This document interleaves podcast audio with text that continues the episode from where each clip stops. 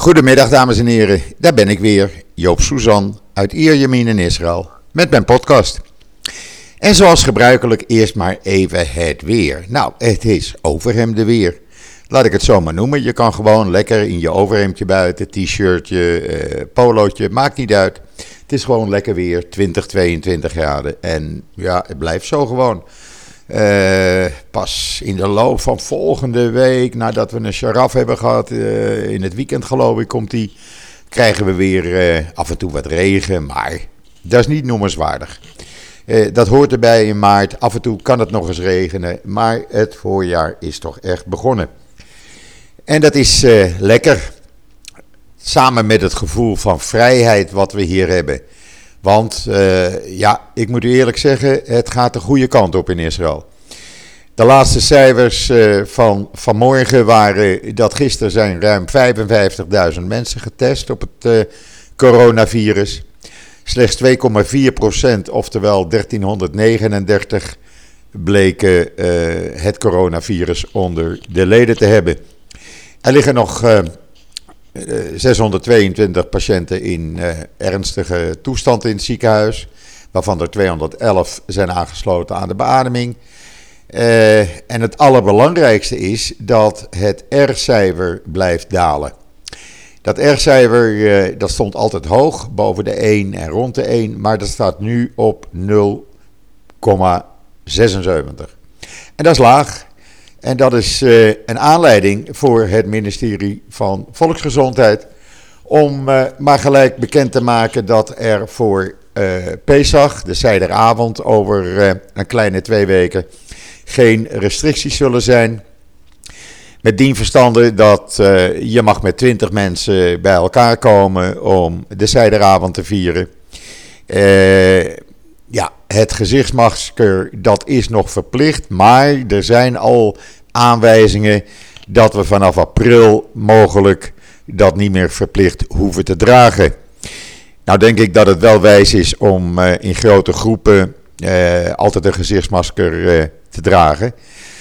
ik ga dat wel doen. Maar het is wel lekker als je buiten loopt, dat je gewoon zonder gezichtsmasker kan lopen. Ook mogen er meer uh, toeschouwers bij sportwedstrijden zijn binnenkort. Het was nu zo 1500 uh, eh, toeschouwers bij een voetbalwedstrijd. Dat is het afgelopen weekend ook gebeurd. Maar men wil dat verhogen mogelijk naar 3 of 4000 en misschien wel meer. En dan begint er ook een proef zondag 21 maart. Waarbij mensen die niet zijn gevaccineerd die kunnen dan bij winkels, restaurants en culturele instellingen een sneltest doen. En dat is natuurlijk heel goed nieuws. Dat betekent dat mensen die ja, niet gevaccineerd zijn, dan toch dezelfde dingen kunnen doen als iemand die een groene pas heeft. Die, die sneltest die geeft binnen 15 minuten uitsluitsel. Die schijnt vrij nauwkeurig te zijn. En dat betekent dat ja, als je om wat voor redenen niet getest bent, toch naar een culturele avond kan, naar een optreden. je kan naar een café, een restaurant, want de cafés en bars die gaan vanaf zondag ook open. De nachtclubs trouwens ook. En dat is lekker. Daar mag iedereen in met een groen paspoort. Iedereen die uh, kan aantonen dat hij uh, het coronavirus heeft gehad, je krijgt daar een bewijs voor. En daarvan hersteld is. En je kan je dan ook ter plaatse negatief laten, of je kan je ter plaatse laten testen. En 15 minuten later weet je of je negatief bent getest. En dan kan je gewoon lekker de kroeg in. ja, dat is allemaal vrijheid wat we toch terug hebben. En dat zie je ook aan het aantal vliegtuigen. Amsterdam wordt nu ook rechtstreeks opgevlogen deze week. Uh, niet dat iedereen maar kan komen, dat is voorlopig alleen nog voor Israëli's. Uh, maar dat gaat de goede kant op. Er zijn bijna 5,2 miljoen mensen die nu één dosis hebben gehad van het COVID-vaccin. En ruim 4,1 miljoen mensen zijn twee keer gevaccineerd. Dus dat gaat allemaal goed. En ik moet u zeggen, ja, uh, je loopt op straat, je wil iets doen. Oh, laat maar even die winkel ingaan. Het kan gewoon. En dan krijg je al die gekkies. Ik had er gisteren weer een aantal. Die komen dan met het is discriminatie als je niet gevaccineerd bent. Nee, vaccineren, het is je eigen beslissing of je je wilt vaccineren. Je kan op het terras zitten als je niet gevaccineerd bent. Je kan alleen niet een restaurant in, maar dan moet je dus die sneltest doen. En dan, uh, dan kan je ook het restaurant in. Dus al die gekkies in Nederland met hun complottheorieën, met hun kritiek op Israël. Wij zijn toevallig wel weer normaal aan het leven, terwijl jullie in Nederland nog in de puinhoop zitten. Ik las dat vanmorgen ook weer in het, uh, zag ik een artikel van het Parool. Er is iemand, een zorgmedewerker in Amsterdam, met twee verschillende vaccins ingeënt. Nou, zo zorgvuldig gebeurt het dan. Ja, dan kan je zeggen waar uh, gewerkt wordt, vallen Spaanders. Maar dit soort uh, fouten mag niet gemaakt worden, want niemand weet wat het effect is. Dat zie je nou bij AstraZeneca. Nederland was daar erg voor. Inmiddels is Nederland dus in het wereldnieuws, omdat het het laatste land is wat gestopt is met AstraZeneca voorlopig. Omdat daar te veel ernstige klachten uit voortkomen wereldwijd. Eh, met het Pfizer-vaccin 0,25 procent, dus een kwart procent, heeft een of andere vorm van bijwerking gehad. Er liggen wel mensen nu in het ziekenhuis die uh, twee keer gevaccineerd zijn. Met het, die hebben het virus. Maar dat zijn er een tiental.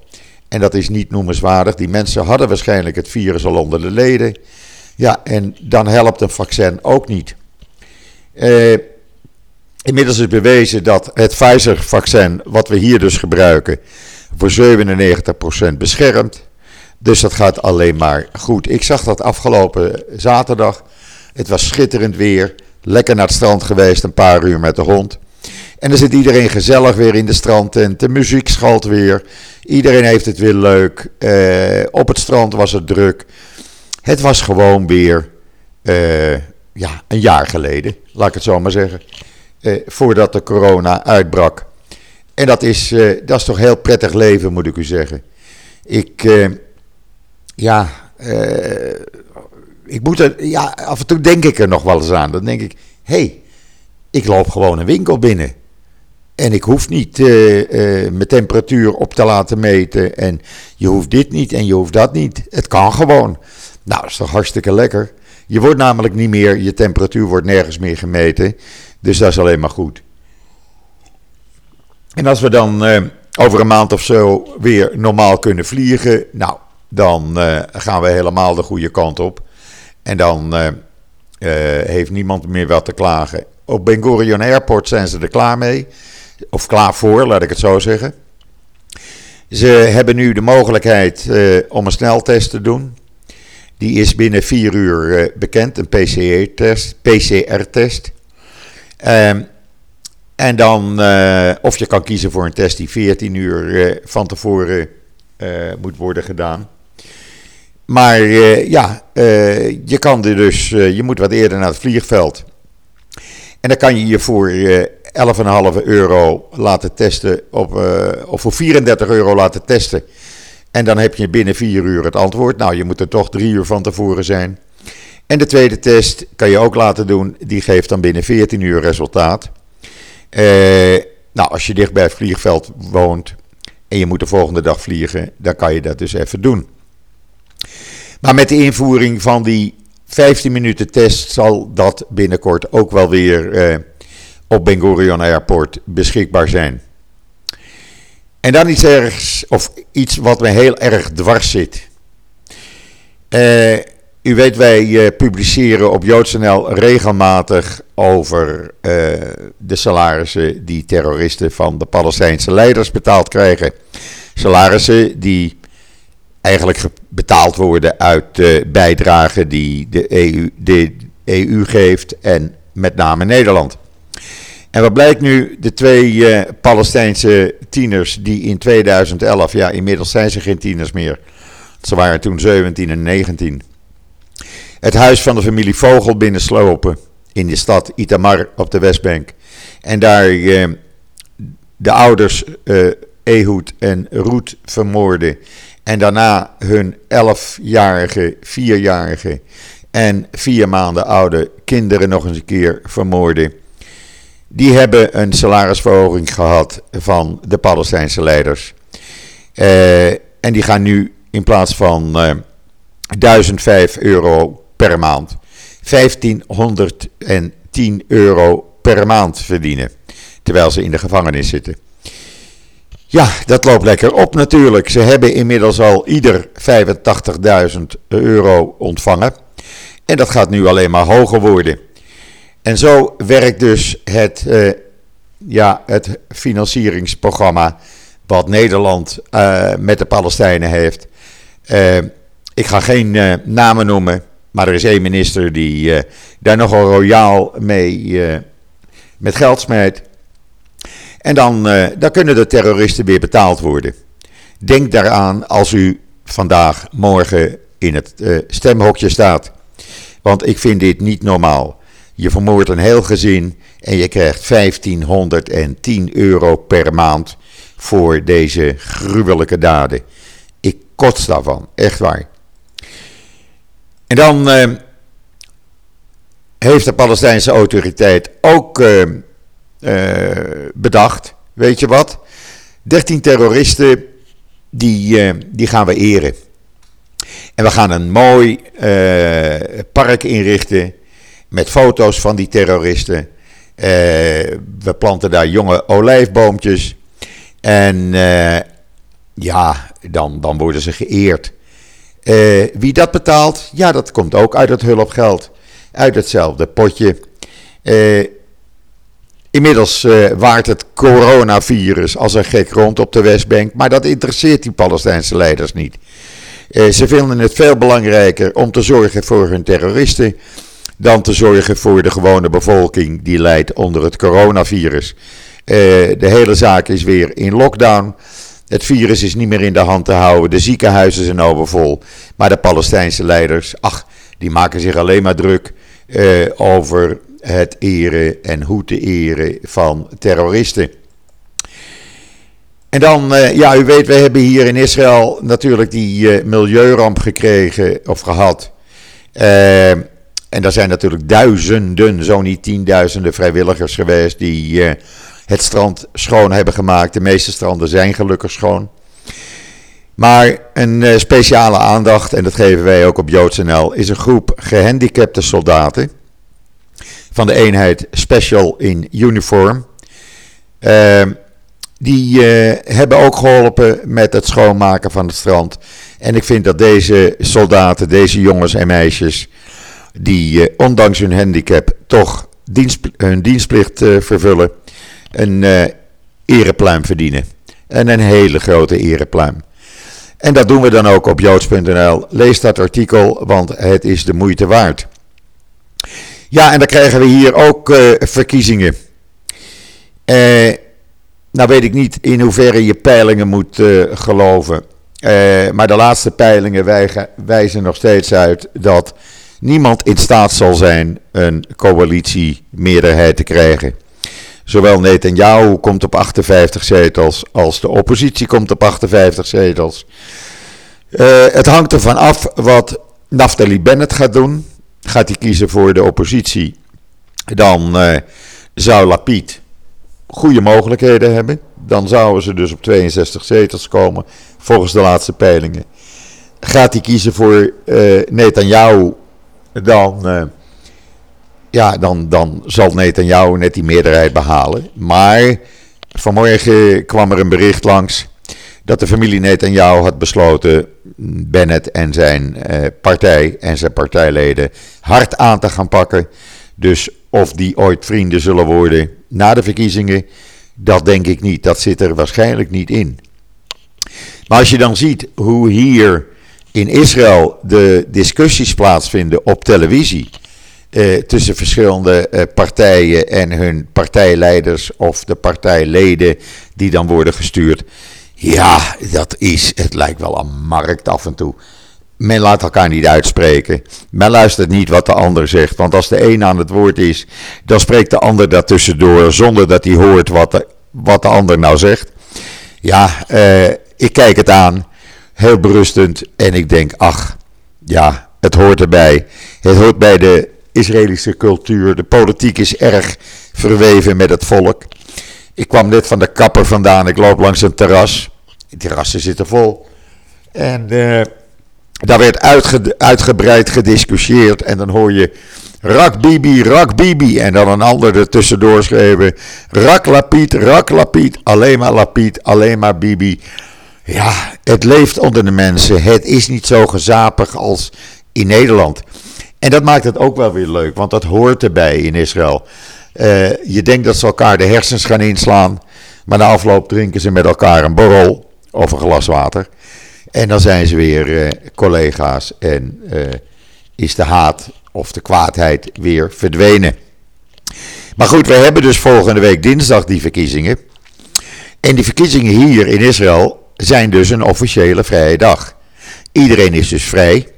Je kan dus gaan stemmen. En wat moet je dan gaan doen? Nou, de Park Authority heeft besloten dat er een aantal parken die net gerenoveerd zijn, uh, vervroegd open zullen gaan.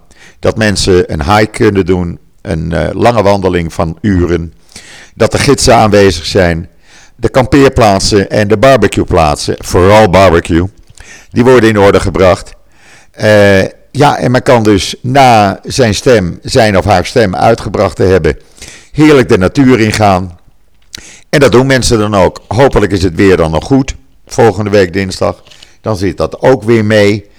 Eh, barbecuen op verkiezingsdag. Ja, het hoort erbij. Het, eh, het is een nationale folklore. Als het droog weer is, dan eh, ruik je weer overal dat er gebarbecued wordt in de straten, in de parken, op het strand. En dat zijn zo van die tradities. Alleen, het komt nu wel erg vaak voor, want dit is de vierde verkiezing in twee jaar. Dus dat gaat wel uh, erg rap nu. Uh, ik hoop wel dat er nu eens een, een, een uh, regering samengesteld kan worden. die normaal vier jaar de rit gaat uitzenden, uitzitten. Of het Netanyahu wordt, ik weet het niet. Of het Bennett of Lapid wordt, ik weet het niet. Er is nog geen touw al vast te knopen. Moet je op de peilingen afgaan? Ja, nogmaals, het blijft uh, een gelijkspel. We zullen het zien, want het blijkt ook dat de meeste mensen, zo'n 40% 35, 40% hebben gezegd van ja, wacht even, we zijn er nog niet uit hoor. We beslissen wel als we in dat stemhokje staan. Nou probeert Netanyahu natuurlijk het uh, vaccineren uh, naar voren te brengen van kijk eens wat ik gedaan heb, jullie zijn toch maar mooi vrij. Maar gisteravond was er dan weer een peiling op televisie waarbij gewoon 58% zegt, ja nou, uh, wij vinden helemaal niet dat hij dat goed gedaan heeft. We zijn er wel gevaccineerd, maar dat is gewoon een plicht van uh, de regering. Dat is niks bijzonders. Uh, en wij vinden helemaal niet dat Netanyahu het zo goed gedaan heeft. Dat zegt dan de peiling weer. Ja, uh, zo zie je maar. Uh, Netanyahu had al zijn hoop ge, gepind op uh, het vaccineersucces. Nou is dat natuurlijk een succes, althans op dit ogenblik. Niemand weet wat het over een maand is. Maar het ziet er naar uit dat dat zo blijft. Dat we ja, gewoon onze vrijheid gewoon weer helemaal terug hebben. Dat we weer kunnen doen en laten wat we willen. Maar of dat nou in de stemmen voor Netanyahu tot uiting zal komen, is nog maar de grote vraag. Uh, wat hij wel heeft, is het voordeel dat hij een uh, hele grote aanhang heeft die blind achter hem staan. Uh, wat hij nou ook doet, het maakt ze allemaal niets uit. Het is Netanyahu, het is Bibi en men stemt daar gewoon blind voor. Er wordt hier meer, ja, laat ik zeggen, spontaan gestemd. Gewoon omdat ze fan zijn van de een of de ander. Dan dat men echt kijkt naar een politiek programma. Want dat interesseert de mensen gewoon niet. We zullen het zien volgende week dinsdag. En uh, natuurlijk blijven wij u uh, in de komende dagen tot uh, de verkiezingen regelmatig op de hoogte houden. Ik heb er weinig over gesproken tot nu toe in de podcast. Maar ja, er gebeurt nu zoveel dat het wel bespreekbaar moet worden gemaakt. Omdat ik wil, ja, ik vind, u moet toch weten wat, wat, we hier, wat er hier aan de hand is. dan nog even over, ja, dat was ook zo'n dingetje. Afgelopen donderdag zou Netanyahu dus naar eh, de Emiraten gaan. Nou, die reis ging dus niet door. Toevallig werd zijn vrouw s'avonds plotseling met een blinde darmoperatie moest ondergaan. Maar dat had daar niets mee te maken. Het was Jordanië die kwaad was. En die zei van, hé, hey, wij mogen, onze kroonprins mocht de Tempelberg niet op. Nou, prima. Dan sluiten wij het luchtruim voor Netanyahu. En dat schijnt de enige reden te zijn geweest. Netanyahu ontkent dat, maar uit alle berichten, uit alle uh, informatie die uh, naar voren is gekomen, blijkt dat dit de enige reden was. Dus ja, uh, op dit moment zijn ze even geen vriendjes. De Jordaanse koning en Netanyahu. Netanyahu probeert natuurlijk zijn gezicht te redden, dat begrijp ik ook wel. En uh, die laat het dan anders voorkomen als dat het is. Maar goed, binnenkort zal dat ook wel weer over zijn. Want zoals de meeste commentatoren zeggen, luister. Israël heeft Jordanië niet nodig. Jordanië heeft Israël nodig. Inmiddels uh, wordt er weer over Jordanië gevlogen. Want gisteren is het team van de tv-serie Survival naar Dubai vertrokken. En uh, wordt daar die serie opgenomen. Uh, en die zien we dan ja, van de zomer op tv. en dan nog iets met Israël en de Emiraten. Want Israël en de Emiraten hebben afgesproken samen drones te gaan ontwikkelen. Nou zult u zeggen, ja maar Israël heeft toch drones? Ja, Israël wel. Maar de Emiraten willen drones hebben die specifiek op hun doeleinden zijn afgestemd. Nou, die gaat de Israëlische defensieindustrie, uh, defensieindustrie gaat dat ontwikkelen samen met de Emiraten.